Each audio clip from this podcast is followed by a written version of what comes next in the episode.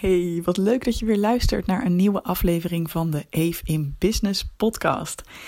Deze keer heb ik een tof interview voor je klaarstaan. Want Jeannette Badhoorn, die zichzelf de vrijheidsondernemer noemt, heeft mij geïnterviewd specifiek over hoe je nou een podcast start en vooral ook hoe je een podcast uitbouwt zodanig dat het een automatisch proces is waar je heel erg veel aan hebt en waar jouw luisteraars ook veel aan hebben. En misschien denk je nu, huh, maar dit is toch pas jouw negende podcast. Waarom interviewt Janet jou dan al hierover? Dat komt omdat ik ook nog een andere podcast heb en dat is de Perfectionisme Podcast. Dus misschien sowieso wel een leuke tip als jij houdt van persoonlijke ontwikkeling en je merkt dat je soms een beetje te streng voor jezelf bent of bang bent om niet goed genoeg te zijn. Honey, I've got about 75 episodes ready for you om je daarmee te helpen en te ondersteunen. Ik vond het onwijs leuk om een keer helemaal specifiek op die podcast in te gaan en wat het voor mij betekend heeft in mijn bedrijf en ook gewoon daarbuiten om lekker dit platform helemaal uit te nutten. Plus, ik ben er echt super handig in geworden om het heel strak, heel simpel te houden, waardoor het me heel weinig tijd kost en heel weinig energie en wel heel erg veel oplevert. Dus als je benieuwd bent hoe ik dat precies heb gedaan, luister dan zeker even deze aflevering. Heel veel plezier! Welkom bij de Eve in Business podcast. Mijn naam is Evelien Bijl en ik ben de perfectionisme coach. Dankzij mijn online programma Goed Genoeg heb ik al honderden mensen geholpen om hun perfectionisme los te laten en een relaxter leven te leiden dat beter bij ze past. Voor mij staat vrijheid op nummer 1. Ik heb mijn bedrijf zo georganiseerd dat ik elke dag opnieuw kan kiezen wat ik het liefste wil doen. In deze podcast deel ik de behind the scenes van mijn business en geef ik je tips hoe jij ook meer vrijheid, plezier en succes in jouw bedrijf kunt krijgen. Enjoy!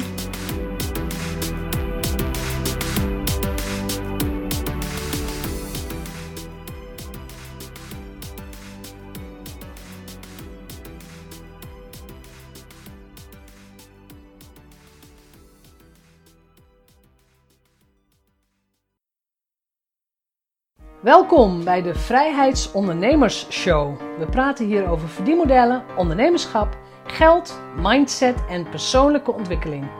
Ik ben jouw host, Jeanette Badhoorn, bedenker van het merk Vrijheidsondernemers, auteur, organisator van de Transatlantische Ondernemerscruise en online pionier. Welkom, aflevering 110. En we zitten nog steeds in de podcast 10-daagse. Hoe cool is dat? Praten met andere podcasters. Vandaag ga je luisteren naar Evelien Bijl. Zij is de perfectionisme coach. Dus ja, we gaan het hebben over perfectionisme en hoe kom je daar af.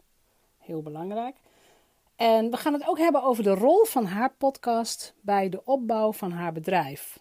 En die rol is groot geweest. Dus het is, hè, als je zelf overweegt om ook met een podcast te beginnen, of je denkt, gaat me dat wel opleveren, ja of nee? Gaat, me dat iets, gaat dat iets voor me doen? Luister ook naar haar verhaal. Luister ook naar haar podcast. Dus ga ook kijken hoe ze dat gedaan heeft. Uh, ook, want ook daar kun je weer van leren. Dus ik wens je heel veel plezier bij deze aflevering. Laat van je horen als je er wat aan gehad hebt. Want wij vragen daar ook tijdens het gesprek om. Laat van je horen als je iets aan deze aflevering hebt. Of iets aan de podcast hebt. Dat is leuk voor de maker van de podcast. Um, veel plezier. Ik zie je weer in de volgende aflevering en weer bedankt voor het luisteren. Evelien Bijl, welkom. Dankjewel. De perfectionisme coach. Ja. En daar gaan we het natuurlijk sowieso over hebben, over perfectionisme en over alles wat daarbij hoort. Maar we gaan het ook hebben over ondernemerschap. En ik heb jou uitgenodigd in mijn podcast, omdat jij een podcast hebt. En ik weet dat voor heel veel mensen podcast een heel erg nieuw medium is. Een nieuwe manier om je publiek te bereiken. Dus ik vind het ook ontzettend leuk om jouw ervaringen te horen. Maar ook hoe heb je het aangepakt? Wat voor content deel je? Wat voor reacties krijg je? Waar had je hulp bij willen hebben, terugkijkend? Dus daar gaan we, daar gaan we lekker op inzoomen dit uur. De komende, de komende drie kwartier tot een uur, laten we het zo zeggen. Maar stel jezelf eens voor, als jij jezelf voor moet stellen in 1, 2, 3 zinnen. Ja, ik vind het ook sowieso heel leuk dat we het hierover gaan hebben. Want uh, mijn podcast is een van mijn favoriete onderwerpen. Dus ik, ik zit al helemaal te glunderen. ja, ja, ja, ja. ja. En uh, ja, ik ben dus Evelien Bijl. Uh, ik ben de perfectionisme coach. En ik ben hier eigenlijk uh, terechtgekomen omdat ik zelf aan het begin van mijn loopbaan heel erg last had van perfectionisme, zonder het door te hebben. Ja. Um, dat duurde echt een tijdje voordat dat kwartje viel en voordat ik ook door had hoe ik daarmee om kon gaan. Uh, en toen ik dat eenmaal een beetje inzag, dacht ik: wow, er zijn zoveel mensen die hier tegenaan lopen. Hier wil ik wat mee, hier moet ik wat mee. Dus inmiddels, uh, uh, in eerste instantie ben ik één op één mensen gaan coachen. Inmiddels heb ik een mooi online programma. Goed genoeg heet dat. Ja, goed genoeg, en, heerlijk. Dat roep ik altijd, hè? Goed is goed genoeg. Ja, ja ik zag het ook in jouw berichtje. En ik dacht, oh, nou, dit sluit helemaal aan bij mijn uh, filosofie. Ja. Ja, ja. en uh, ja, dat is ontzettend leuk om te doen. Ik woon in Leiden met mijn beste vriend. Uh, tenminste, hij was tien jaar mijn beste vriend voordat hij mijn partner werd. Dus uh, dat is nu alweer okay. vier Zo kan het ook gaan. Zo kan het ook gaan, ja. Heb jij ook, ben je tegen een burn-out-achtig iets aangelopen door die eigenschappen? Ja, wat ik eigenlijk altijd zeg is, mijn lichaam is soort van te gevoelig om, uh, om zelfs door te gaan tot een burn-out. Het klinkt misschien een beetje raar, maar wat er bij mij gebeurde, na ongeveer een half jaar werken, is dat ik elke keer, ik kreeg keelontsteking, ik was ontzettend vermoeid. En uh, dus eigenlijk, ik werd ziek voordat ik in een burn-out kon komen. Dus ik werd gewoon ja. letterlijk gedwongen door mijn lijf om stil te staan. En op dat moment baalde ik daar enorm van. Dan dacht ik, waarom ben ik niet net als andere mensen en kan ik niet gewoon doorgaan? En achteraf ja. denk ik, oh, dit is echt mijn redding geweest. Want daardoor heb ik niet door kunnen gaan. Uh, en denk ik dat ik net die burn-out, uh, ja, zeg maar, voor ben geweest. Ja. Even één ding. Kun je je microfoontje los uh, krijgen? Want hij schuurt steeds. Oké. Okay. En bedoel je zo dat mijn haar weg is? Of bedoel je ja, anders? zo is beter. Want hij ja? schuurt steeds. En dan ah, hoor je steeds... Okay. Oh, dat is heel onprettig. Ja. ik kan niet meer met mijn hoofd bewegen. Sieraden aan de kant. Heel zitten. Ja. We willen het natuurlijk wel perfect op oude Uiteraard. en terecht. Ja. Oh, maar dat is wel interessant wat je zegt. Jouw lichaam geeft het aan, maar hoeveel, ik bedoel, de meeste lichamen geven toch wel iets aan voordat je een burn-out ingaat. Dat denk ik ook. Alleen um, bepaalde mensen, en ik denk dat ik daar één van ben, zijn extreem gevoelig voor dingen als spanning en ja. hè, stress, et cetera. Waardoor je veel sneller die signalen eigenlijk al krijgt. Er zijn natuurlijk ook mensen die uh, ja, best wel lang door kunnen gaan. Die misschien wel jaren over hun grenzen kunnen gaan. Uh, en dan misschien wel heel licht ergens signalen opvangen. Maar ja, dat eigenlijk misschien een wat robuuster gestel hebben als het ware. Ja, en dat is eigenlijk het. heel gevaarlijk. Het kan ja, heel gevaarlijk want, zijn. Want dan ga je dus nog veel langer door. Ja. Um, nou ben jij van 1987, las ik ergens op jouw website. Hoor je dan ook nog steeds bij de millennials? Is dat nog steeds ja, volgens mij officieel wel, maar ik vind het altijd heel grappig als mijn vrienden ook zeggen: ja, wij zijn millennials. Dan denk ik echt, oh. Want ik denk al over millennials als: oh ja, dat is die jonge generatie, weet je wel? Nou ja, dat is natuurlijk ook zo. Ik zit hier natuurlijk als een soort wijze moeder. Um, want jouw generatie, gemiddeld genomen, heeft inderdaad, als ik de statistieken van over burn-out en, en dat soort uh, uh, klachten heb, jouw generatie heeft het heel moeilijk. Klopt. Ja, klopt. Die hebben inderdaad, uh, er zijn allerlei oorzaken voor, daar hoeven we helemaal niet op in te gaan hoor. Maar het is inderdaad wel iets wat je gewoon moet realiseren. Van waar, wat is mijn achtergrond, waar kom ik vandaan? En hoe kan het dat vooral vrouwen van mijn leeftijd zo ontzettend. Um, ja, het is niet eens dat jullie gevoeliger zijn, maar dat je zoveel van jezelf verwacht. Dat is het. Dat is ja. het. Er is echt een, een bizarre hoeveelheid aan dingen die veel vrouwen van mijn generatie uh, van zichzelf moet. En ja. dat is natuurlijk, hè, in studie, et cetera, zijn natuurlijk de, de, de normen ook verhoogd. Hè. Je, mag, je kan niet zomaar meer lanterfanteren of iets dergelijks. Je moet echt gewoon uh, wat sneller presteren. presteren. Ja. Um, als je een baan wil krijgen, nou, dan wordt er over, ongeveer overal geëist dat je ook allerlei nevenactiviteiten hebt gedaan naast je studie. Dus je moet niet alleen ja. snel studeren en goed studeren, hè, om ook nog eens een keer een goed cijfer te halen, maar ook uh, allerlei andere sociale dingen doen. Dat vind je misschien ook wel leuk, maar het voelt dus ook als een beetje een verplichting soms. Ik zie dat mensen ook heel veel ideeën hebben over hoeveel uh, vrienden ze zouden moeten hebben en hoeveel tijd ze daarmee door moeten brengen. Klopt, ja. Hè, de social media heeft natuurlijk een enorme invloed op dat je ziet, oh, die ja. is weer op een feestje. Oh god, en ik, uh, hè, ik niet. Of eh, ja, ik zou ook moeten gaan. Ja. Oh, al met al is dat gewoon ontzettend vermoeiend. Als je daar Ja. allemaal aan moet voldoen. Ja, ja ik, ik bedoel, ik ben niet zo opgegroeid. Dus ik zit inderdaad te denken, hoe was het in mijn tijd? Anders. Ja, was wat was er anders in jouw tijd?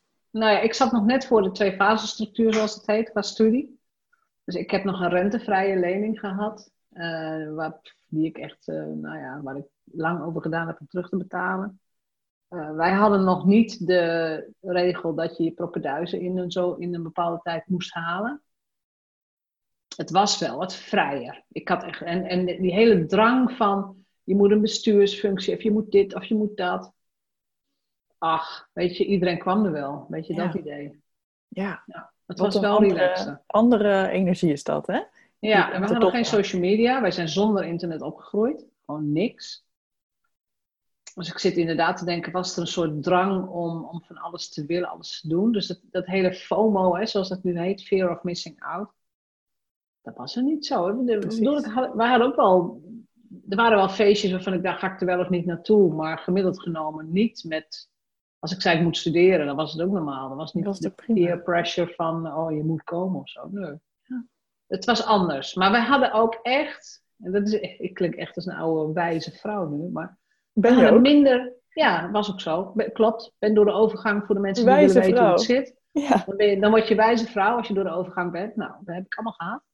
Maar qua studies, als ik ga kijken welke mogelijkheden zijn er nu, weet je, dan heb je 300.000 mogelijkheden om een studie te kiezen. Welke studie, waar, Eh, hoe lang duurt het, welke vakken. En bij ons was het gewoon een soort, nou ja, het past op één A4'tje. Ga ik rechten of ga ik bedrijfskunde? Nou ja, er waren een paar meer keuzes, maar meer keuze was er niet.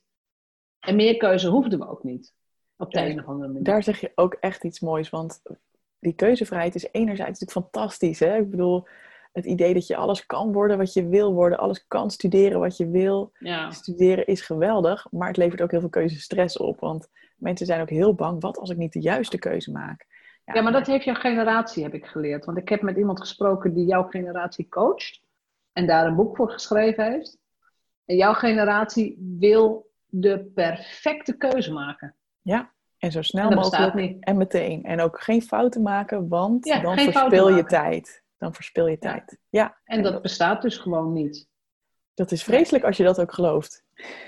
Dat is vreselijk als je dat gelooft. Als je, als je, als je wilt weten, dat is het, eh, nummer 88 is dat. Het interview met Rani Zuidervliet. Hoe overleef ik mijn eerste baan? Kijk, heel zij goed. is van mijn generatie en zij, zij coacht, coacht young professionals. Ja, En mooi. het, het, het is heel mooi dat dingen gewoon bij elkaar komen. Want jij hebt het helemaal doorleefd. Zij heeft alweer die blik van, nou ja, de helikopterblik of de blik van de wijze vrouw daarop. En zo helpen we elkaar. Zo simpel is het. Ja. En nou heb jij gekozen. Je had een baan. Je zegt, ik ga ondernemer worden. Want ik wil meer vrouwen hiermee helpen. Met, met, dat, met die stress, met, die, eh, ja, met dat gepieken, dat niet goed genoeg zijn. Wa- wat heeft jou doen besluiten om jouw kostbare tijd hier op aarde daarin te stoppen? Hmm, een mooie vraag. Ja, ik voelde op een gegeven moment, toen ik dus eh door had van, oh wacht, ik ben heel streng voor mezelf en dat is niet nodig. Eh, toen ben ik in eerste instantie vier dagen gaan werken bij mijn baan in loondienst. Ik werkte eh, bij de Nederlandse Spoorwegen als veranderkundig adviseur, hartstikke leuk. Tenminste, dat deed ik uiteindelijk. Ik ben vier dagen gaan werken en daar merkte ik al aan, oh, wat levert dit een rust en een ruimte in mijn hoofd op en wat geniet ik meer van het leven. En ik vond dat best een Ja. moeilijke keus, want ja, ik was nog geen dertig, ik had nog geen kinderen, dus ik had eigenlijk geen goed excuus, tussen aanhalingstekens, om dat te mogen doen. En toch, toen ik het eenmaal had gedaan, was dat de beste keuze die ik had. En eigenlijk heb ik de eerste jaren daar gewoon lekker van genoten. En zelf ben ik even bijgekomen van al die pressure die ik mezelf eigenlijk had opgelegd. Ja, Maar op een gegeven moment, ik weet nog heel goed het moment, ik zat met twee vriendinnen in een huisje in, het was notabene in Enschede. Nou, we wilden helemaal niet per se in Enschede zijn, maar het was een huis met een jacuzzi erin. Dus wij dachten, Ja, ja, lekker een weekendje weg, leuke films kijken, weet je wel, lekker eten. En wij zaten in die jacuzzi en ik dacht echt, ja, ja, ik heb een leuke baan. Ik werk niet te veel. Ik verdien goed. Ik heb leuke vrienden. Inhoudelijk is het allemaal goed. En nu dan? En ik voelde gewoon ergens van binnen van ja, stel dat nu mijn leven afgelopen zou zijn, zou ik dan helemaal tevreden zijn met wat ik heb gedaan. En ik voelde nee. Hoe oud was je toen je die vraag stelde? Ik denk dat ik 27 was toen ik me die vraag stelde. Maar dit is dat is 20 jaar te vroeg. Ja, dit, maar dit zijn echt van die millennial dingen. Dit is wat millennials dus doen. Wij denken er veel eerder over na. En, maar misschien komt dat ook door de mooie voorbeelden van de generatie voor ons. Hè? Uh, want wij zien meer mensen tot dit inzicht komen, misschien op latere leeftijd.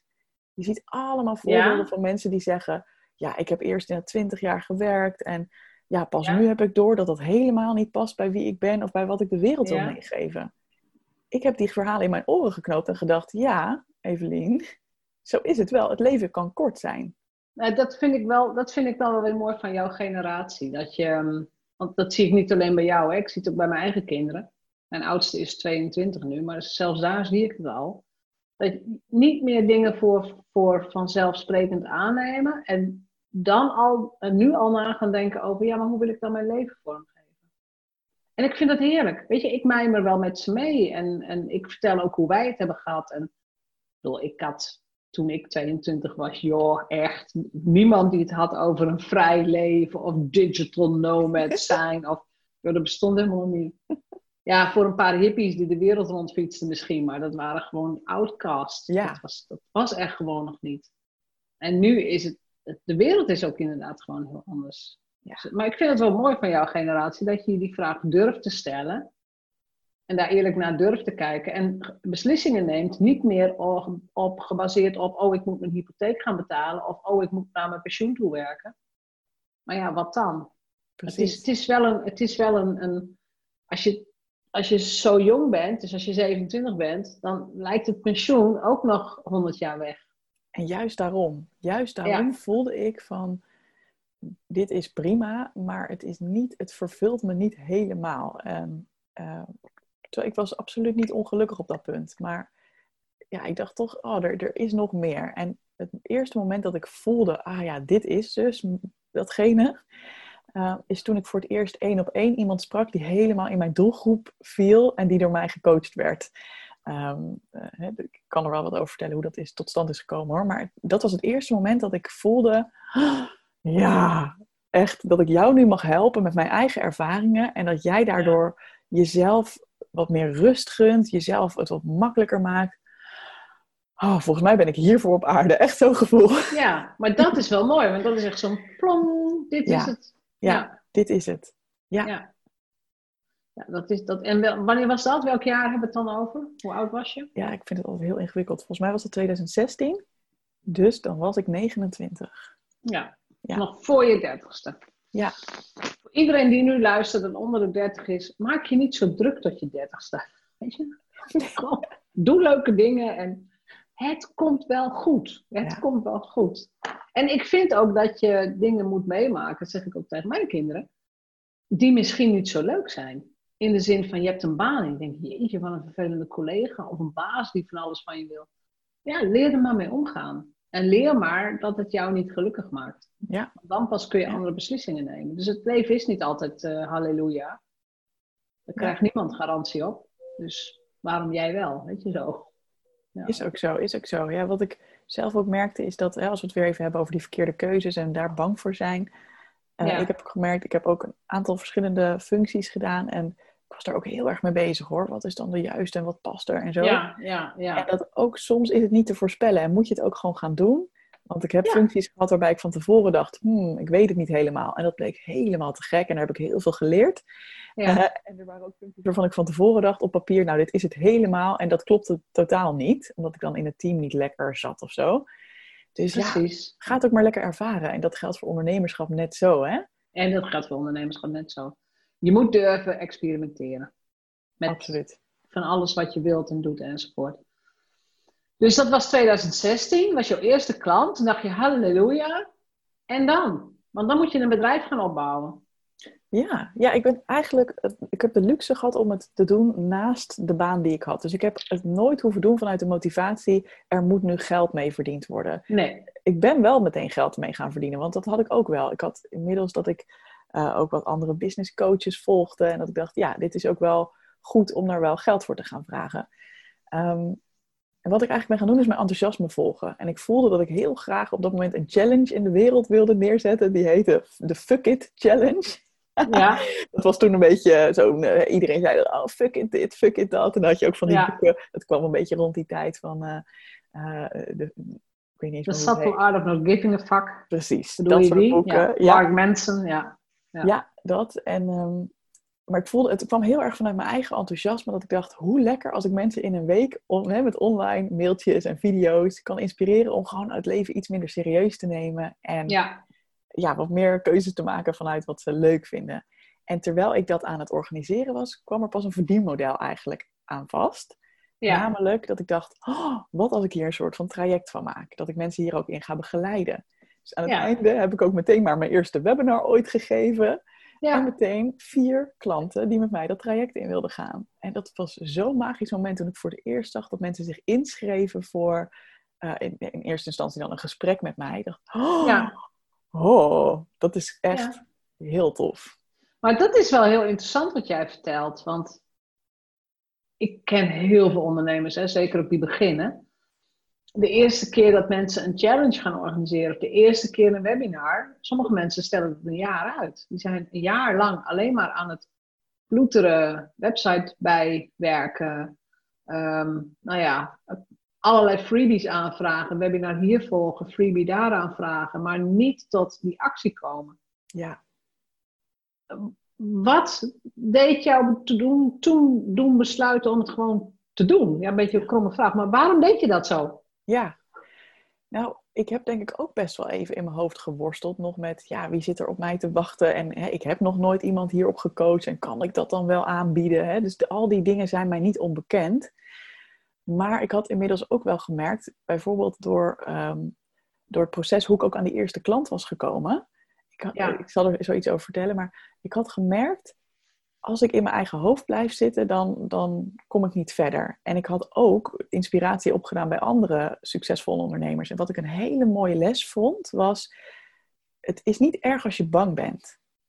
Je mag bang zijn, maar zet alsnog stappen. En dat is voor mij heel bevrijdend geweest, omdat ik ja. misschien vroeger wel dacht: je hebt een soort van succesvolle ondernemers en je hebt mensen zoals ik, die dat nooit zullen worden. Hè? Ik denk dat heel veel mensen dat denken. Van je, hebt, je hebt een soort van de succesvolle mensen en de, nou ja, de rest. Ja. Uh, en, en, wat mensen vaak denken, en dat dacht ik ook, die succesvolle mensen die zitten echt anders in elkaar. Die zijn zelfverzekerder, die durven meer. Totdat ik van die mensen die voor mij echt een voorbeeld waren, hè, een Ilko de Boer, een Marie Forleo, uh, nou, Simone Levy, allemaal dat soort mensen, tot ik van hen ook hoorde in hun verhalen en hun podcasts en uh, video's en zo. Ik heb ook onzekerheden. Het verschil is dat ik alsnog stappen zet. Ja. En dat is, dat is precies wat ik ben gaan doen. En om een voorbeeld daarvan te geven hoe ik ook aan mijn eerste klant was gekomen. Um, ik ben op een gegeven moment gaan bedenken, oké, waar zouden nou mijn klanten kunnen zitten? Dus misschien zijn dat wel netwerkevenementen van jonge, hoogopgeleide vrouwen. Hè? Dat, dat, ja. dat is een beetje mijn doelgroep. Dus ik ben daarheen gegaan. Ik heb visitekaartjes laten maken met mijn uh, bedrijfsnaam erop en dat ik dan coach was. Terwijl ik eigenlijk op dat moment, ik had wel wat mensen gecoacht, maar nog niet echt op dit onderwerp. Dus ik ging daarheen en ik had ook bedacht, oké, normaal gesproken, ik ben heel erg van eerlijkheid en van niet liegen of overdrijven of weet je wel, ja. het moet eerlijk ja, zijn. Ja. Dus als jij normaal gesproken op dat punt in mijn leven aan mij zou vragen, hey Evelien, wat leuk om je te ontmoeten, wie ben jij en wat doe jij? Dan had ik automatisch over mijn baan in loondienst verteld. Hè? Gewoon zo van... Ja. Omdat je er toen nog zat. Ik zat daar toen nog. Dat was mijn, mijn nou, niet fulltime, maar bijna fulltime baan. Dus ik dacht, dat is mijn identiteit. En misschien, uh, ik wil ook gaan coachen. Maar toen heb ik bedacht, nee, ik ga met een andere instelling naar deze netwerkbijeenkomst. Een andere identiteit. Een andere identiteit. Want daar zit het hem. Ja. Daar zit het hem. Dus ik ben daarheen gegaan. En als mensen vroegen, wat doe jij? Heb ik gezegd, ik ben coach en dit is, dit is het onderwerp waar ik me mee bezig hou. Hier ben ik zelf tegen aangelopen. Oh ja, en, ik was wel heel eerlijk, en ik werk daarnaast ook nog in loondienst. Maar ik draaide hem om. Ja. Ja. Ja, dat tweede deel had je er niet eens bij hoeven zeggen. Want als je iemand helpt, wat maakt het uit dat jij drie of vier dagen van de week nog iets anders doet? Ja, ik vond dat zelf heel belangrijk. Want voor mij voelde het op dat punt in mijn leven als niet integer als ik dat weg zou laten. Omdat dat gewoon nog was waar ik zat. En dat, dat gaf me ook de toestemming om, uh, om heel open te zijn, heel eerlijk te zijn. En ik heb zelfs ook gezegd van nou, en ik ben dat ook nu aan het opzetten. Of, hè. Precies, ja. Ik was er gewoon heel, heel open over. En dat was voor mij heel belangrijk om dat wel te noemen. Omdat ik daarmee voor mijn gevoel niet de waarheid geweld aandeed. Het is wel interessant, want als je het niet zou zeggen, is de waarheid dan anders? Ja, voor mij was dat toen zo. Ja, ja dat was een interessante vraag. Ja. Ja, voor mij niet namelijk. Want als jij mij, als ik bijvoorbeeld, stel je voor, ik ga naar, ik ga naar de kapper. En die kapper kan mij heel goed knippen. Wat kan mij het schelen dat zij drie dagen van de week ook huisschilder is? Bijvoorbeeld. Op het moment dat zij daar als kapper is en ze is goed, dan vind ik dat best. Al staat ze drie dagen lang uh, handstand te doen. Het maakt niet uit, als klant in elk geval. Want ik wil dit stukje van jou hebben. En dat, dat, dat moet goed zijn. Maar het is, het is wel interessant, ja. Het is inderdaad gewoon jouw eigen. Um, ja, maar weet ik niet. Misschien dat je ook niet te hoog van de toren wou blazen of zo. Ja. Ik weet het niet. Zeker. En dat ik niet. Veel, Toen je merk al, perfectionisme coach, had je dat al zo uh, Nee, dat had ik nog niet zo genoemd, nee. Dus dat is toen eigenlijk ontstaan doordat ik uh, gesprekken voerde met mensen en ook na die challenge dus mensen ging begeleiden, dat ik eigenlijk steeds erop uitkwam, hey, de, de trajecten waar ik echt in shine, waar ik mensen echt verder kan helpen, dat zijn de trajecten met de mensen die heel erg lijken op de Evelien van een aantal jaar geleden, namelijk de perfectionisten.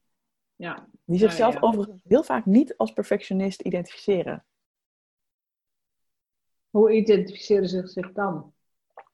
Ja, ze zien vaak wel, oh ja, ik ben misschien wel wat streng voor mezelf. Uh, ik ben gestrest, ik ben gejaagd, ik heb altijd zoveel gedachten. Ik zou niet zo onzeker moeten zijn. Dat zijn dingen die je ze wel hoort zeggen. Ja, ja die zeggen ze, ja. Die zeggen ze. Maar ja. wat, het beeld dat we vaak nog wel hebben van perfectionisme is dat jij alles op orde moet hebben. Dat jij super gestructureerd bent. En dat er nooit, hè, dat jij bijvoorbeeld alles op alfabet wil hebben liggen en zo. Ehm, en dat klopt gewoon niet per se. Je kan best wel een beetje chaotisch zijn, maar van binnen toch bang zijn om niet goed genoeg te zijn en daardoor je grenzen over te gaan of dingen uit te stellen. Ja. En toen ben jij een jaar of twee geleden, want hey, we praten in het kader van jouw podcast. En, en als we het over perfectionisme hebben, zou ik zeggen, ga daar sowieso naartoe, want daar zitten heel veel praktische tips en ja, begeleidingen en ja, uh, tips ook. Gewoon heel veel leuke dingen zitten ertussen. Maar je bent twee jaar geleden al begonnen met die podcast. Toen was je eigenlijk nog maar net twee jaar bezig. Oh ja, wat leuk. Ik wist eigenlijk niet dat het twee jaar geleden was, maar jij hebt het gewoon opgezocht. Wat goed. Ik, dat kun je zien. Dat kun je zien. Ja. ja. wat leuk. Ja, ik, weet je wat het voor mij eigenlijk was? Ik was daarvoor um, heel erg van de video's. Omdat ik merkte, als ik video's maak, dan uh, dan zien mensen mij en dan voelen ze meteen van, oh, ik heb het idee dat ik Evelien ken. Maar voor video, uh, ondanks dat ik echt niet vind dat ik er perfect uit hoef te zien, um, toch merkte ik dat het elke keer een, iets groter drempeltje was, want ik wilde toch even dan even iets leuks aantrekken of even een make-upje of wat dan ook. En ik dacht, oh, ik vond het heel tijdsintensief daardoor. Ja. Dus wat ik op een gegeven moment hoorde van, ook weer, wederom Ilko de Boer, is ik neem een podcast op en dat doe ik letterlijk door mijn telefoon aan te zetten op de dictafoon-app. Ik spreek wat in en dat gaat de eter in. Toen dacht ik, dat is precies wat ik zoek. Dus ik zag de podcast eigenlijk als de super laagdrempelige manier om regelmatig iets te delen met mensen, zonder dat het heel veel tijd en energie hoeft te kosten. Klopt, je deelt je expertise. Dat kan inderdaad zonder al te veel technische toestanden. Had jij toen je begon, want je uiteindelijk, hè, je besluit op een gegeven moment, ik ga mijn eerste uitzending opnemen. Had je al een hele strategische planning? Zat er al een marketing funnel? Zat van alles al achter? Nee, in eerste instantie, uh, ik heb dat wel altijd gedaan met de strategische gedachte van, ja, hoe meer waarde je deelt, hoe meer mensen ook uh, hè, dat no like and trust uh, gevoel bij jou krijgen. Hè. Ze leren je kennen, ze vinden je leuk en ze vertrouwen je. Dus het was heus wel met die insteek. Maar het was meer uh, gewoon een manier om waarde te delen. Dat is eigenlijk hoe het begonnen is. En ik had ook in, in, het begin niet per se een heel upload schema. Nu doe ik het inmiddels elke week. Maar dat heeft ook echt wat voet in de aarde gehad om erachter te komen. Hoe doe ik dit zo efficiënt mogelijk? Ja. Waar haal ik de inspiratie structureel vandaan? Ja. voordat ik daar was, dus het begon gewoon met: hey, ik wil hier wat over vertellen. Nou, dan ga ik een podcast opnemen. Je had niet meteen al een soort schema van de eerste twintig afleveringen. Dit zijn de onderwerpen. Nee, misschien had ik er een paar, maar zeker niet eh, twintig vooruit. Nee. En had je al, want ik, ik adviseer mensen altijd als je begint, zorg dat je vijf, minimaal vijf afleveringen klaar hebt staan voordat je gaat publiceren. Had je dat gedaan? Nee, heb ik ook niet gedaan. Je bent gewoon begonnen. Ik ben gewoon begonnen, omdat dat wederom eh, zo goed past bij waar we het net ook over hadden. Van, ik kan nu mezelf allerlei dingen gaan opleggen van hoe het moet zijn voordat ik mag beginnen. Of ik kan nu gewoon beginnen. Ja. En, want ik weet ook dat ik kan afhaken als iets te groot en te ingewikkeld wordt. Ja, ja dat, oké, klopt, herken ik ook. De reden dat ik dat zeg is dat omdat de meeste podcast shows niet verder komen dan acht afleveringen. Ja. En dan denk ik, doe het dan niet. Weet je, bespaar je dan de moeite. Ja, daar kijk ik wel een beetje anders naar. Want ik denk, stel dat het acht hele mooie afleveringen zijn. Het is toch een bouwsteen. En ik Ja. ben het helemaal met je eens hoor. Maar waar, waar ik heel erg in geloof is, wat helpt mij om het te blijven doen? En dat is juist alle restricties eraf, alle verplichtingen eraf. En dat, dat nodigt mij juist uit om te denken, oh, misschien heb ik er vorig jaar acht gedaan. Ik ga er weer eens één opnemen. In plaats van, oh, nu Ja. is het al mislukt, want ik heb er maar acht gedaan in een jaar. Nee, ik, ik snap je gedachtegang. Alles wat je doet, vier je. Alles wat je presteert, is een plus in dat opzicht. Vind ik wel, ja. Dat ben ik ook met je eens. Dat ben ik ook met je eens. Nou ja, misschien moet ik mijn eigen eh, advies bij gaan stellen. Maar ik heb het wel gedaan. Dat ik denk, ik wil minimaal sowieso vijf klaar hebben staan voordat ik op publiceer klik. En ik wil minimaal tien gepubliceerd hebben voordat ik echt reuring ga veroorzaken. Voordat ik echt de grote klok eh, ga Mm. luiden, om het zo te zeggen. Interessant, want stel dat je dat had gedaan voordat je er tien had gedaan, hè? Wat, wat zou er dan mis... Niks, dan verandert er ook niks. Ik weet alleen zelf, kijk, ik, ik luister heel veel naar podcasts. Als ik een podcast ontdek die ik leuk vind, ga ik binge listening eh, toepassen. Dus Ja. dan ga ik gewoon binge luisteren. Ja, Ja, als er dan maar drie staan, dan denk ik, nou, dat is ook een beetje teleurstellend. Dat vind ik je net leuk, ik heb je net ontdekt. Heb ik er maar drie, weet je Maar zo. stel, maar stel dat diegene er geen reuring aan had gegeven en je had die drie podcasts niet ontdekt. Dat is toch pas echt jammer. Ja, dat klopt. Dan, dan had je mij ook in de steek gelaten. Ja, Ja. dat is ook jammer. Ja. Maar goed, Ja. ik, ik zit heel erg op, op, dat, eh, op die vibe. Maar ik denk ook, weet je, wat ik heel leuk vind aan dit gesprek ook. Voor iedereen past denk ik ook een andere manier. Dus ik denk dat dit ook heel erg past bij hoe jij werkt. Hè? Ook bijvoorbeeld dat jij je nu committeert aan 100 afleveringen in 100 dagen. Te gek. Yes. Dat is echt dik commitment. En dat past natuurlijk Dat ook bij dit commitment. advies. Ja. En voor mij, ik, ik weet dat als ik, eh, ik ben ontzettend, eh, ja, hoe noem je dat? Zelfstartend. Eh, ik ben heel, ik, ik, ik heb eigenlijk best wel heel veel discipline uit mezelf. Dus als ik mezelf Ja. dingen ga opleggen, dan wordt het minder goed. Dan, Ja. krijg ik te veel druk en dan denk ik, oh, nou Dan wil krijg ik je kramp. juist. En voor mij is dus die vrijheid heel belangrijk om te voelen, oh, ik mag doen wat ik wil, wanneer ik het wil. En dan ga ik shinen. Ja, ja. En ik hou wel van structuur. Maar goed, Ja. die leg ik mezelf natuurlijk ook op. Hè? Dat is heel simpel. En ehm, het enige wat ik me wel, waar ik me wel in de podcast helemaal vrij in heb gegeven, is er is geen format. Ja. Dus of ik er nou eentje van 10 minuten maak of eentje van een uur en 5 minuten, of een uur en drie is geloof ik de langste. I don't care. Het is goed zoals het is. Ja. Frequentie, nu inderdaad 100, eh, elke dag, 100 dagen, eh, elke dag een nieuwe podcast. Dat hou ik 100 dagen vol, maar daarna gaat de frequentie veranderen. Hoe het gaat worden, weet ik nog niet. Weet je, dat, dat, dat zie ik dan wel. ja, mooi. En alleen solo, weet je, er zijn mensen die zeggen, oh, je moet alleen solo doen. Alleen solo vind ik te saai. Dan zit je steeds met dat zwarte gat. Ik bedoel, ik praat wel, maar saai. Ik heb besloten om intensief in te gaan zetten op interviews en gesprekken, omdat ik daar zelf ook van geniet. Ja. Ik vind het heel interessant wat mensen vertellen, wat ze mee hebben gemaakt. En ik weet ook nu van mijn luisteraars dat die ook de, ze halen ook de golden nuggets uit de gesprekken. Ze horen ook wat, nou ja, wat de worstelingen zijn, wat de overwegingen zijn. Dus het is ook gewoon heel leerzaam volgens mij. Ja, super. Gewoon luisteren naar gewone ondernemers. Hoe ver of hoe, hoe onver je misschien bent. Maar we zijn allemaal hele gewone normale mensen die op nul zijn begonnen. Ja, Dat moet je je blijven realiseren. Ja. Dan, over jouw podcast. Je zegt, oké, ik ben begonnen. Ik had niet een vast... eh, je had ook nog geen vaste frequentie toen je begon. Nog niet meteen een hele strategie erachter, maar waarde delen. We zijn nu twee jaar verder. En klopt het dat je 66 afleveringen hebt nu? Het zou zomaar kunnen.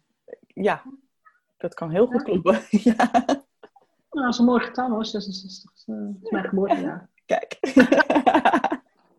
dat voelde ik aan. Um, daarom is dit het moment ja, dat we elkaar spreken. Ja, dit is gewoon het moment. Wat heeft nu, we zijn twee jaar bezig, of jij bent twee jaar bezig, wat heeft de podcast voor jou gedaan?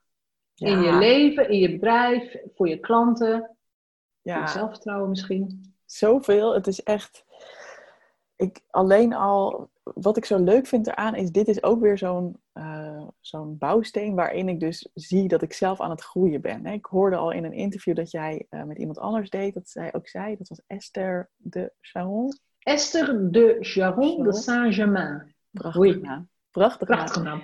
Zij had het ook over ondernemerschap is eigenlijk de, de mooiste reis van zelfontwikkeling die je jezelf kunt gunnen. Nou, het is de grootste persoonlijke ontwikkeling die je kunt doormaken. Absoluut, daar sta ik helemaal ja. achter. En daar is deze podcast ook weer een onderdeel van. Ik zie zo uh, hoe ik nu dingen anders aanpak. Ik, ik, leer gewoon slimmer dingen te structureren. Dus, dus het heeft me gebracht dat ik mezelf aan het ontwikkelen ben op dat vlak. Kunnen we het zeker ook nog over hebben van wat dan die ja. lessen zijn. Hè? Wat het me ook heeft gebracht is dat ik ook zie, hè, er gaan steeds meer mensen luisteren. En ik krijg steeds vaker ook reacties van mensen. Uh, en nu is, is het echt elke podcast wel een aantal hele mooie reacties van mensen die zeggen: Oh, dit is precies wat ik nu nodig had. Dit is precies wat ik moest horen. Ja. En um, wat ik ook zie, gewoon puur um, marketingtechnisch, naarmate de tijd verstrijkt en ik meer en meer podcasts heb gemaakt, zijn mensen ook eerder, wanneer ik een aanbod doe, voelen ze van ja, dit is het moment voor mij. Dus ik krijg ook heel ja. vaak van mensen terug. Ik luister al een tijdje naar je podcast. Nu doe jij een aanbod, hè, in een webinar bijvoorbeeld. En nu voelt het voor mij goed. Dus ze hebben door die podcast al kennis met mij gemaakt, kennis met mijn gedachten goed gemaakt. En ze voelen, ja, dit, is, dit klopt gewoon voor mij. Ja. En dat, dat is dus al nummer drie volgens mij. Ik weet niet meer op hoeveel ik zit. En het laatste wat het me ook nog brengt is mensen die mijn klant zijn geweest die zien het ook als een hele fijne vorm van onderhoud. Ja. want uh, elke week komt er weer even een mailtje van Evelien in de mailbox met een momentje voor zichzelf. En ik hoor ook heel vaak van mensen: Oh ja, dan ga ik lekker met jou wandelen, met jou in mijn oren. Ja, ja, ja. ja. Dan is het vaak weer even, nou, tien minuten, kwartiertje, even een opfrisser van: Oh ja, dit is hoe ik in het leven mag staan. Oh ja, wat fijn om dit weer even als reminder te krijgen. Ja. Het is ook een soort van nazorg. het, is, ja, het, is, het is wel mooi wat je zegt. Ja, ook mensen die klant zijn geweest, blijven toch bij je. Zonder ja. dat je dat weet, hè? Want Precies. Jij, jij weet niet waar je allemaal wandelt, of met wie je meereist, of met wie je in het vliegtuig zit. Of, uh...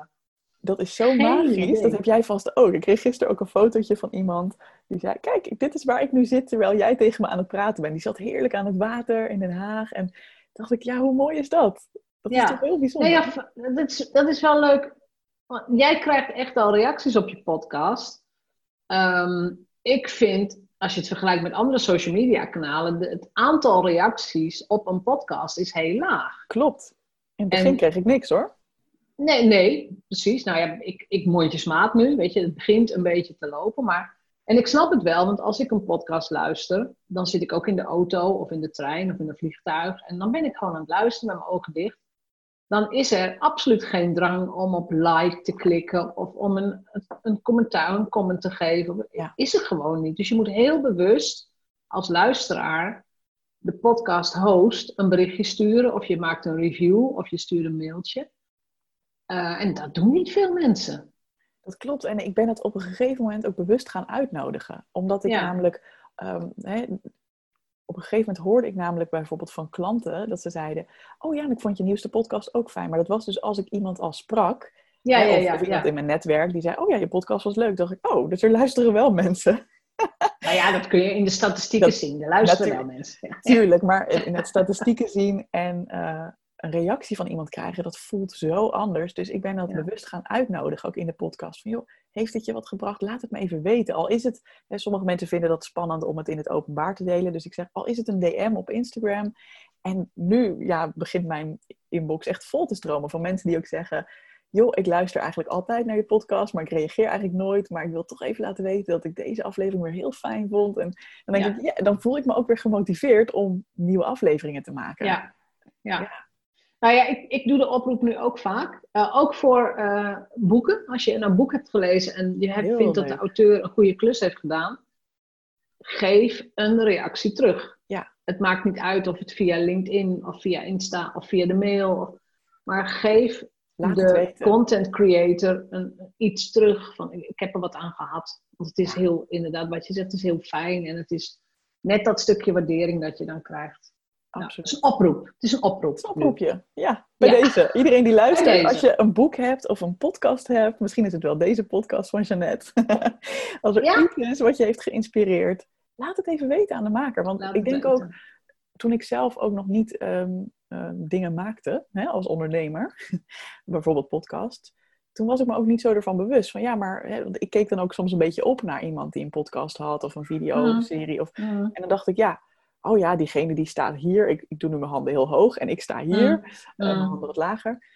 Ehm, dus ja, ik, ik kwam niet eens in me op dat diegene misschien wel zat te wachten op een vriendelijk bericht van mij of een bedankje van mij. Het was heel ook, het is ook best wel intiem, hè, zo'n podcast. Je luistert ernaar in je eigen. Dus je zit in iemands oren. Ja. Ja, ja. Ja.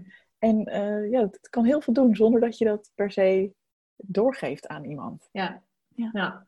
Dat is voor mij ook de doorslaggevende reden geweest om ooit in 2017 te beslissen, ik ga een podcast doen. Dat heeft dan nog wel even geduurd voordat ik het deed. Dat gaat allemaal andere redenen. Maar ik was in San Diego bij de Social Media Marketing World. En daar was een hele track over podcasting. En daar kwamen onder andere mijn, podcasthelden, mensen als Pat Flynn, aan het woord. En ik, ik weet niet of hij het zei of een van die anderen. John Lee Dumas was erbij, Kate Erickson, allemaal Chris Ducker. Allemaal mensen waarvan ik dacht, oh, wat fijn. Eh, eh, Lewis House was erbij.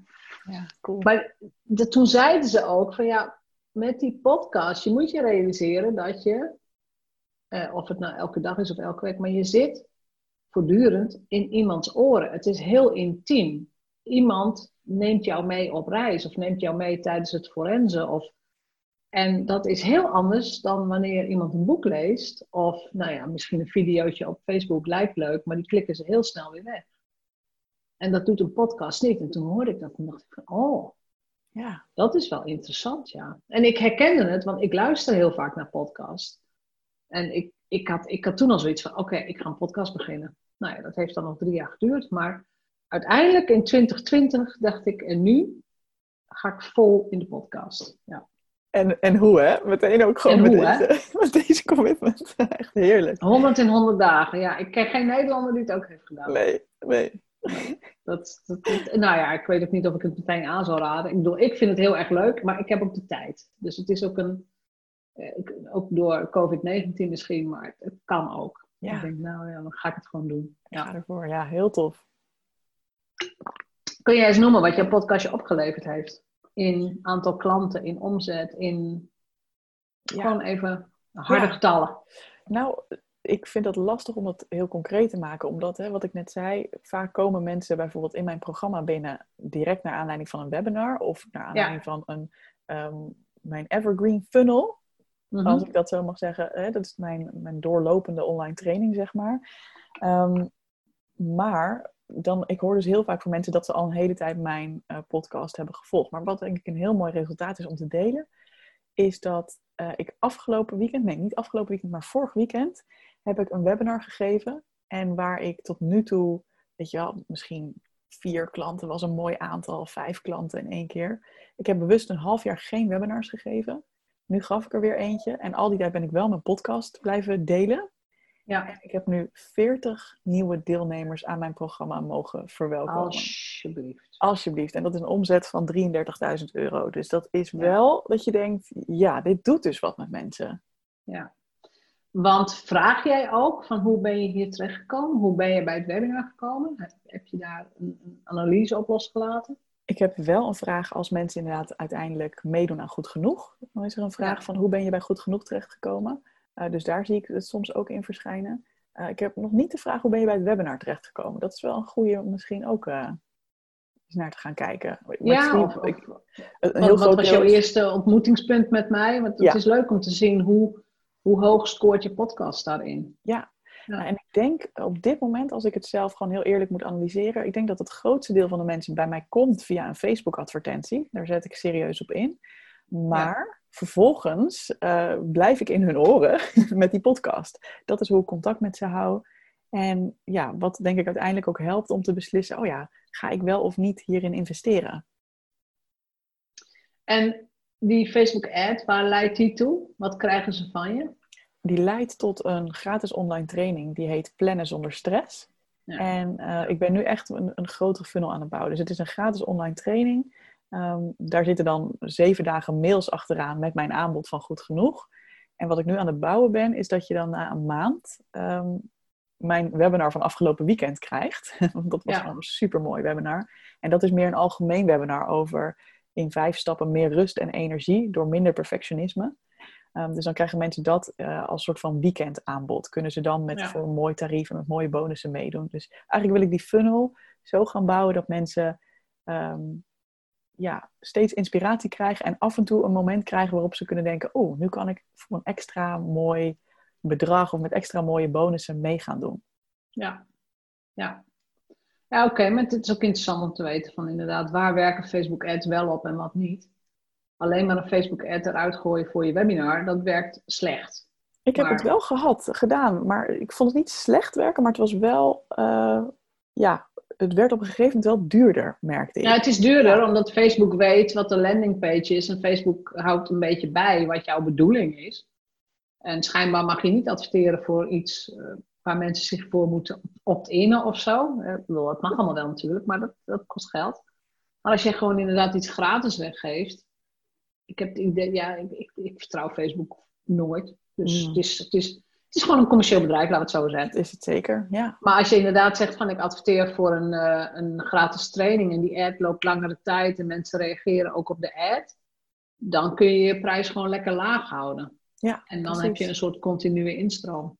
Ja. ja. en ook hierin was het ook gewoon uh, ontdekken uh, en jezelf de tijd geven. En ook, uh, ik heb hier ook gewoon hulp bij. Want ik heb een tijdje wel zelf Facebook ads gedaan, maar het is echt een vak apart. Nou, dat weet denk ik iedereen die daar ja. ooit iets mee gedaan heeft. Je kunt ja. jezelf daar heel erg in verdiepen. En als je dat leuk vindt, is dat prima. Voor mij, ja, ik kan het wel, maar het is niet mijn eerste um, ja, passie of zo. Om al helemaal achter de ja. knoppen te zitten. En oh, deze doelgroep omhoog. Nee, alsjeblieft. Dus ik heb gewoon een hele fijne partij gevonden die dat voor mij doet. Ja. en samen zoeken we dat uit, wat werkt. Ja, Dat, dat is ook wel iets wat jij... Um, dat is wel een mooie tegenstelling, vind ik. Ik heb het idee dat mensen die perfectionistische aanleg hebben... heel moeilijk uitbesteden. Want ik kan het beter. Klopt. Wat als ze niet goed genoeg zijn? Hoe heb je dat gedaan? Ja, nou het mooie is natuurlijk, um, inmiddels heb ik niet zoveel last meer van mijn perfectionisme. Hè? Dus ik denk dat heel veel mensen wel denken van, oh jij bent een perfectionist. Ja, als je mij in de praktijk bezig ziet, denk ik niet dat jij denkt, oh hier zit een perfectionist um, onder. of hier, maar hier hoe heb je het aangepakt om, om dat te zeggen, oké, okay, ik ga uitbesteden? Ja, wat ik, wat ik heb gedaan is, op een gegeven moment merkte ik dat ik alle rollen in mijn bedrijf zelf aan het doen was. Ja. Dus ik heb een uh, boek gelezen, The E-Myth. Heb je daar wel eens van gehoord? Die ken ik niet. Wie heeft die geschreven? Ja, dat is een hele goede vraag. Dat kan ik zo wel even opzoeken. Misschien wel leuk. Um, het is van de man die ook. Uh, het gaat over. Michael Gerber. Mark, Michael Gerber of Gerber, ja. Ja. En ik las dat boek en daarin gaat het over welke rollen neem jij als ondernemer allemaal op jou. Aha. En um, hij daagt je ook uit om een soort van organogram te maken met: oké, okay, jij bent de CEO, ja. dus zet je eigen naam daar. Marketing, wat voor functies zijn er eigenlijk allemaal? En zet overal je eigen naam. Als jij nu nog niks uitbesteedt, geen team hebt, zet overal je ja. eigen naam. Ja, ja, uh, en ik had die, dat organogram gemaakt. Ik kwam wel tot tien rollen die ik allemaal zelf aan het doen was. En ik dacht: oh, dit verklaart wel waarom ik best wel moe ben. En de volgende ja. dag. had je dan bijvoorbeeld ook schoonmaak van je eigen kantoor? Had je die er ook bij staan? Nee, dat had ik nog niet eens erbij gestaan. Dus echt. Moet ook allemaal nog. Moest eigenlijk ook allemaal nog. Puur de inhoudelijke dingen van community management en uh, ja. mailtjes ja. sturen en dit en dat. Administratie, alles, alles, alles. Tien rollen. En de volgende dag, ik weet het nog goed. De volgende dag dacht ik: hé, hey, wacht even, ik coach ook nog mensen was ik letterlijk... op de uitvoerder. Ja, ik was letterlijk vergeten dat gewoon mijn core business, dat ik mensen coach, die had ik niet eens in dat organogram opgenomen. Mm. En toen dacht ik, oké, okay, hier, hier moet wat gaan veranderen. Maar ik zat heel erg in de mindset van, verdien ik al wel genoeg geld om te kunnen uitbesteden? Aha, dat is een hele leuke. verdien ik Want die, genoeg geld? want die, houdt, die houdt je klein. Precies. En ik Ja. voelde ook toen, en dat is echt wel even een proces geweest, van ja, maar als ik niet ga uitbesteden, ga ik ook niet genoeg geld verdienen. Want ik ben alles aan het doen. Ik ben, altijd, hè, ik ben vaak gewoon moe. Eh, ik kan nu ook niet mijn beste werk leveren. Dus toen ben ik stapje voor stapje begonnen met, ja, kijk, oké, wat is eh, hè, makkelijkst uit te besteden? Of wat, is het, eh, het, wat levert het meeste op, het meeste tijd? En zo ben ik dat gaan doen. Ehm, ja, één voor één. En daar heb ik ook Eén weer ja, Ja. ben ik ook weer heel veel lessen in tegengekomen. Want je kunt ook uitbesteden op een manier die niet werkt. Ja, vertel maar. Ja, wat ik heb gemerkt is dat ik eind vorig jaar zat ik eigenlijk een beetje. Ik had heel veel, heel veel dure partijen die voor mij dingen deden. En dus allemaal eh, VA's van nou ja, 60 euro per uur en eh, allemaal dat soort eh, zaken. En ik had mijn administratie uitbesteed aan een boekhoudkantoor. En ik had een VA die dan nog dingen voor mij deed. Dus eigenlijk had ik gewoon bedacht: oké, ik vind administratie niet zo leuk. Dus weet je wat? Alsjeblieft, VA, ga jij maar met die boekhouder alles regelen. Maar Ja. met als gevolg dat ik natuurlijk de grip volledig kwijt was. En dat ik geen Ja. overzicht had. Het was ook altijd gedoe, want dan, dan misten er weer cijfers of dan was er weer wat. En dat lag niet aan die boekhouder. En dat lag ook niet aan die VA. Dat lag aan het feit dat ik de regie volledig uit handen had gegeven. En dat ik heel erg voelde van... Oh, ik moet steeds voldoen aan wat zij van mij verwachten. Dat gold ook soms voor het bedrijf dat mijn Facebook-advertenties eh, deed. Aan- maar waar, waar moest je aan voldoen? Hoe bedoel je dat? Ja, wat ik bedoelde is dat ik me zo, een soort van ging opstellen als een werknemer. En ik zat in de afwachtende stand van... Oh, ik hoor wel van mijn VA en van mijn boekhouder... wat zij, Ja, wat ja, zij nodig hebben. In plaats van dat ik regie pakte van, hey, dit is hoe ik het wil hebben. Dit is hè, hoe we overzicht gaan creëren. En ik snap heel goed wat er nodig is en nu ga ik het uitbesteden. Ja. Dat was ook echt een belangrijke transitie voor mij. Ik denk dat ehm, Amy Porterfield zegt dat ook. Ik weet niet of je haar volgt. Zeker. Maar, maar zij zegt ook van, eh, zij gelooft heel erg in de do-it-yourself model. Dat je eerst moet snappen hoe het in jouw bedrijf werkt. En of het nou over de boekhouding of over het bouwen van een funnel of eh, het maken van een, een, een mails voor je maillijst. Weet ik. Je moet in elk geval op hoofdlijnen snappen hoe het werkt. Ja. En dan kun je heel effectief uitbesteden. Dat dan weet je namelijk ook- geleerd heb. Ja. Ja, nou ja, ik, ik, ik, ik zeg het al heel vaak ook tegen mijn studenten. Maar dan weet je namelijk ook hoeveel uur iemand er ongeveer mee bezig mag zijn. Ja. Als iemand zegt, ja, dat kost me tien uur. Dan zeg ik wel, nee, dan doe je, dan doe je het niet efficiënt. Dat is een half uur klaar. Precies. Ja, maar, uh-uh. kijk. Precies. En dat is ook een valkuil, want je kunt inderdaad ook te veel dingen blijven doen. Dus je moet dan op een gegeven moment de beslissing maken dat je gaat uitbesteden. Zeker. Maar hou inderdaad de regie over de hoofdtaken in je bedrijf. En daarom moet je het ook stupid simpel houden. Ja. Ja. ja. Ja, en mooi ook wat jij zegt van...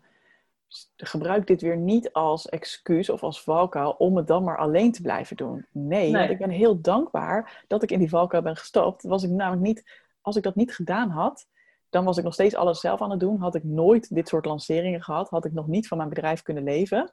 En was ik niet waar ik nu ben, namelijk dat ik wel in regie ben. Dus ik had deze stap nodig van het te veel uitbesteden of heb te weinig regie. Ja, ja, ja. Klopt. had ik Ja. echt nodig om te komen naar waar ik nu ben. Namelijk dat ik zelf voel, ik sta aan het hoofd. En, eh, ja, en ik werk heel fijn samen met mensen, omdat ik goed snap wat ik ze vraag. Precies, dat is een andere positie. Ja. Investeren, want je, je, je tikt het aan bij het eh, team wat je moet gaan bouwen. Maar hoe belangrijk is de rol van investeren geweest in het succes wat je nu hebt, de plek die je nu hebt? On, onvoorstelbaar belangrijk. Onvoorstelbaar belangrijk. Ik heb vorig jaar, ik heb sowieso, eh, geloof ik, heel erg in investeren, ook in je zelfontwikkeling. Eh, dat heb ik al vrij snel gedaan. Ik merkte in het begin dat ik daar een belemmering op had, omdat ik dacht, ook daar weer mee, ik heb nog geen geld verdiend met mijn bedrijf en dan ga ik nu een programma aanschaffen, een online programma of zo. Ja, Tot ik dacht, ja, maar ik wil dit heel graag sneller leren en daar, daarvoor is het nodig. Dus ik deed dat met dat soort kleinere investeringen, deed ik het al. Vorig jaar in, ik denk april, kwam er een moment dat ik echt voelde, oh, dit, is, dit gaat niet helemaal zoals ik wil. Ik heb nog niet ehm, ehm, de omzet die ik wil. En ik zat ook een beetje in dat, dat ik nog wat veel zelf deed. En ik voelde, ik, ik, moest op een gegeven moment ook gewoon een beetje huilen. Ik liep buiten, ik weet nog heel goed, ik liep hier in het plantsoen, vlak bij mijn huis. En ik voelde gewoon, ja, dit zit niet, het zit niet helemaal lekker. Wat is er nou? En er was een uh, mogelijkheid voor mij om mee te doen met een uh, business coach traject. Echt in, intensief voor 5000 euro. Nou, dat is een investering. Ja, dat, dat doe je niet zomaar. En ik herinner me nog zo goed dat ik dacht, ik zat een beetje in die negatieve vibe van, ja, maar wat als ik meedoe en als ik dit geld investeer en als het niet werkt? Dat voelde ik. En ik voelde ook. Dat moet je ook voelen. Ja, en, en het grappige was, ik voelde dat en ik voelde, ja, maar wat als ik niet meedoe en het werkt niet? Dat vond ik ook. Maar ik zat dus helemaal vast tussen, oh, het gaat niet werken, of ik nou mee. En toen ik dat zo door had, dacht ik, ja, maar wacht eens even. Dan zit je er al in met een mindset van, het gaat sowieso niet lukken. En ik ben bang om in mezelf te investeren, want wat als het weggegooid geld is? Ik moet in een hele andere vibe komen, vanuit een hele andere energiekeuzes gaan maken. Namelijk niet waar ben ik bang voor, maar wat wil ik? En wat ik eigenlijk toen voelde is, ik wil mezelf en mijn bedrijf serieus gaan nemen. En juist daarom is het super mooi om mezelf deze stap te gunnen. Mezelf te gunnen om met iemand aan de slag te gaan die verder is dan ik, die meer ervaring heeft dan ik. En het is serieus de beste beslissing die ik ooit genomen heb. Want daarna is mijn omzet echt exponentieel gestegen. Ja, nou, en mijn zelfvertrouwen vooral. Het is heel belangrijk wat je zegt. Hè? Want bij, nou, in dit geval was dan 5000 euro was voor jou een uh, buikpijnbedrag. Mhm. En er zijn altijd twee vragen die je jezelf kunt stellen. Hè? Dat, een, een, goede verkopende business coach gaat je ook stellen. Maar uh, vertrouw je mij? Dus heb je vertrouwen in mij dat ik je kan helpen? En de tweede vraag, veel belangrijker, vertrouw je jezelf. Dat is het. Ja. En het zit altijd op dat jezelfstuk. Ja. Bijna. Want anders gaan ze niet met jou in gesprek. Dus iedereen die nu luistert en denkt van... Ja, maar ik wil wel groeien. Maar ik durf niet te investeren. Terug naar jezelf. Oh mijn god. En... Het, ligt, het ligt niet aan die business coach. Het ligt niet aan het programma. Het maakt niet uit met wie je gaat werken. Daar zit het hem niet. Weet je wat ik denk? Letterlijk 80% van mijn succes daarna is niet, niet eens gekomen door de inhoud van het traject, maar door het feit dat ik mezelf dit waard vond. En dat ik zei, hoppa, commitment. Dit is, dit is wat ik blijkbaar... Ik, ik zie mezelf ineens als een ondernemer op een ander level, want ik investeer op, deze, op dit niveau in mijzelf. Ja, en, het brengt je ook wat je wilt. Ja, ja. Ja. Dat dus jouw, jouw geldthermometer is nu rond de 5000 of is die al opgekrikt van oh, een nieuw programma, zou ik wel een hoger bedrag voor willen betalen? Ja, mijn geldthermometer is wel opgekrikt, ja. Ja, Ik, heb, ik heb natuurlijk nog steeds, en volgens mij pleit jij daar ook helemaal voor, bij mij moet het heel erg voelen van ja, dit is de volgende stap die ik wil zetten. En daar ja, en het mag eng zijn, het mag schuren. Sterker nog, het moet een beetje eng zijn. Als het niet een klein beetje eng is, dan daagt het me waarschijnlijk niet genoeg uit. En dan zitten er misschien te veel dingen in die ik al weet of kan. Dat geldt voor bijna iedereen. Ja. ja het, moet, het moet een beetje eng zijn. Ja, een beetje eng. En, maar vooral ook dat ik denk, oh, ik zou het zo tof vinden. Ik, zou, ik heb hier zoveel zin in om dit te gaan leren. Ja, en dan is die geldthermometer, die is wel opgerekt nu. Ja, ja nou ja, goed. Mijn, mijn eerste investering was uh, eh, 7000 in een programma. En dat was in 2000. 2012, 2013. En inmiddels is het 22.000 voor een jaar masterminder geweest. En ja, weet je, het rekt. En het wordt, je krijgt een ander. En dat is, ik weet voor mensen die dit horen, die denken: ja, jeetje, 22.000, Jeanette, waar heb je het over? En je krijgt voortdurend een ander normaal. Ja. En de enige persoon die dat kan afdwingen, ben jezelf. Ja. ja. Dus sta jezelf ook toe, inderdaad, om met stappen in jezelf te investeren. Het moet schuren. Ga weg van al die freebies en van die online trainingjes van 200 euro. Tenminste, om je af en toe te helpen is prima hoor, maar daar ga je niet mee groeien. Daar komt je doorbraak niet. Dit is wel echt een next level commitment. En dat is juist wat je nodig hebt als je verder wilt. Tenminste, ja. dit is wat mij geholpen heeft. Ja, ja. Nou ja, mij ook. Dat is heel simpel. En, en dan nog heel simpel gezegd, het is ook maar geld. Hè? Ja. In, in dat opzicht van als je het weer terug kunt verdienen of je weet van oké, ik ben ervan gegroeid als persoon, ik weet op welke knopjes ik moet drukken, dan komt het ook gewoon terug. Ja. Dat is ook belangrijk. Zou jij nog een bedrijf willen en kunnen runnen zonder podcast? Nee, ik zou geen bedrijf willen runnen zonder podcast. En dat is omdat ik het ik vind het heerlijk om te praten. Misschien merk je het nu ook al. Ja, dus ja, ja, Ik vind het heerlijk. Ik vind het heerlijk om te praten. En uh, op die manier, dat vind ik nog veel makkelijker ook dan bijvoorbeeld schrijvend mijn boodschap brengen. Ik vind het heerlijk om. Ik doe het soms zelfs tegen mezelf. Ik neem soms een soort van podcast voor mezelf op. Dus dat geeft al aan. Hè. Dan loop ik een rondje, stel mijn hoofd zit een beetje vol. druk ik gewoon op een opnameknop en ga ik gewoon tegen mezelf aanpraten. Dus zo fijn vind ik dat. En nog even los, hè, dus ik vind het zelf een hele fijne vorm. En als je dan inderdaad ziet hoe mooi dit een, ja, een opbouwende factor eigenlijk in mijn bedrijf is. En hoeveel mooie reacties ik van mensen krijg die zeggen: Oh, dit heeft echt zoveel voor mij betekend. Ja, dat, dat wil ik niet meer opgeven. Nee, precies. Dus voor jou is het gewoon heel duidelijk: dit is jouw medium. Ja. Het past bij jou, je kunt je boodschap kwijt, uh, je publiek krijgt waarde. Dus ik snap dat dan ook helemaal. Goud, ja. Dat, ja, precies. Dat moet je ook niet gaan veranderen. Heb je nog een, omdat we zijn bijna door de tijd, heb je nog een laatste tip voor de luisteraar? Wat wil je ze meegeven? Nou, normaal gesproken zou ik iets zeggen over perfectionisme, maar misschien nu ook nog even als laatste tip over de podcast. Maak dat niet te groot en zie ook daarin mogelijkheden om dingen uit te besteden. Dus bijvoorbeeld voor mij kost het nu heel weinig tijd om, uh, om een podcast op te nemen, want ik heb al een lijstje in mijn telefoon met, oh, dat is een vraag van een klant die uh, interessant is, die komt vaker terug. Um, hè, dus ik heb gewoon een lijstje klaar liggen. Ik kan gewoon wanneer ik wil het even in mijn telefoon inspreken. En wat ik uitbesteed is bijvoorbeeld het hele gebeuren van het uploaden. Dus de techniek, het editen van even een filmpje of een, uh, een reclameboodschap erachter hoef je ook niet mee te beginnen. Je kan ook gewoon beginnen met je verhaalpunt. Dat is ook goed. Mhm, ik mhm. besteed uit dat iemand anders de tekst erbij schrijft. Die meegaat met de mail en die meegaat met de social media. Ik doe nog even een, een editorial check, zeg maar. Ehm, maar je kunt alles uitbesteden. Dus voor mij is het letterlijk de tijd die ik kwijt ben met praten. Dat is de tijd die ik kwijt ben met mijn podcast. Dus ja. weet je, zie het ook niet als iets wat een hele grote drempel is. En waar je allemaal dingen voor moet kunnen en snappen en weten ga het gewoon doen. Als je voelt dat dit ook jouw medium zou kunnen zijn. Ja, ja. dat vind ik sowieso een heel goed advies. Ga het gewoon doen. Ja. Dankjewel voor dit mooie gesprek. Jij ook bedankt. Ik vond het onwijs leuk. Nou, dat is de bedoeling. En ik, ik... Nou, als mensen dus geluisterd hebben, laat een review achter op iTunes of stuur ons een mail of een DM of een wat dan ook. Want dat willen we graag. Ja, ja. superleuk zou ik dat vinden. Goed, dankjewel. Bedankt voor het luisteren naar de Vrijheidsondernemers Show. Geef de show een review op iTunes. Als vrijheidsondernemer werk je waar, wanneer en met wie jij wilt. Dat gun ik jou ook. Ik weet dat het kan. En bij de juiste keuzes is vrijheid ook voor jou mogelijk. Op jouw vrijheid!